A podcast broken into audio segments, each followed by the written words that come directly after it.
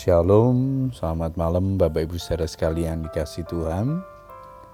Kita bersyukur kepada Tuhan pada malam hari ini dapat kembali berkumpul dengan keluarga kita untuk bersama-sama berdoa kepada Tuhan.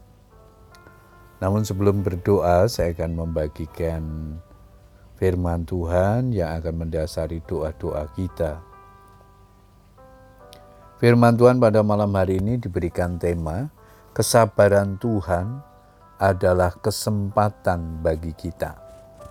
Ayat mas kita di 2 Petrus 3 ayat yang ke-14, firman Tuhan berkata demikian, Sebab itu saudara-saudaraku yang kekasih, sambil menantikan semuanya ini, kamu harus berusaha supaya kamu kedapatan tak bercacat dan tak bernoda di hadapannya dalam perdamaian dengan Dia.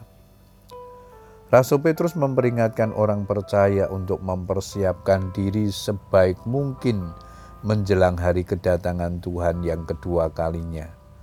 Tujuan Tuhan datang kedua kali ke dalam dunia ini adalah untuk menghakimi dan menghukum orang-orang yang berdosa, bukan saja mereka yang melakukan kejahatan, namun juga bagi mereka yang menolak karya keselamatannya.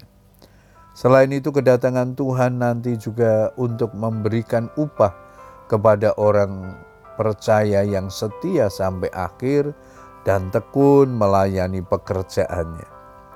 Dengan kata lain, jadi lelah kita dalam melayani pekerjaan Tuhan diperhitungkannya. Kedatangan Kristus kali yang kedua itu bukan dongeng, bukan tafsiran, bukan khayalan, namun sesuatu yang pasti. Tuhan sendiri menegaskan dalam Yohanes 14 ayat yang ketiga, dan apabila aku telah pergi ke situ dan telah menyediakan tempat bagimu, aku akan datang kembali dan membawa kamu ke tempatku, supaya di tempat di mana aku berada, kamu pun berada. Bila kita memiliki kepekaan rohani, kita pasti memahami bahwa tanda-tanda kedatangan Tuhan satu persatu sudah digenapi. Mari pergunakan kesempatan yang ada untuk kita lebih bersungguh-sungguh di dalam mengerjakan perkara-perkara rohani, mengejar perkenanan Tuhan, dan terus berjuang bagaimana supaya kehidupan kita ini kedapatan tak bercacat dan tak bernoda. Bagaimana caranya? Jauhkanlah diri dari segala bentuk kecemaran, sebab Tuhan memanggil kita bukan untuk melakukan apa yang cemar, melainkan apa yang kudus. 1 Tesalonika 4 ayat yang ketujuh. Rasul Paulus mengingatkan bahwa keselamatan adalah pemberian Tuhan, bukan usaha kita.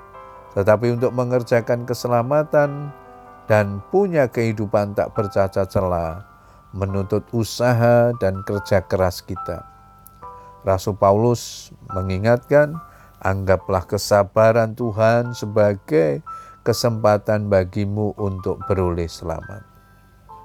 Apabila sampai detik hari ini Tuhan belum juga datang ke dunia untuk menjemput kita, bukan berarti dia lalai, bukan berarti dia ingkar, bukan berarti apa yang tertulis di dalam Alkitab itu salah Justru ini menjadi kesempatan bagi kita untuk mempersiapkan diri kita sebaik mungkin.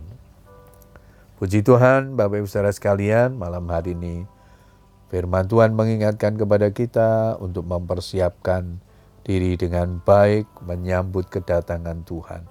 Mari kita jaga hidup kita sedemikian rupa dari segala kecemaran dunia supaya kita layak dan berkenan di hadapan Tuhan. Tuhan memberkati kita semua. Selamat berdoa dengan keluarga kita.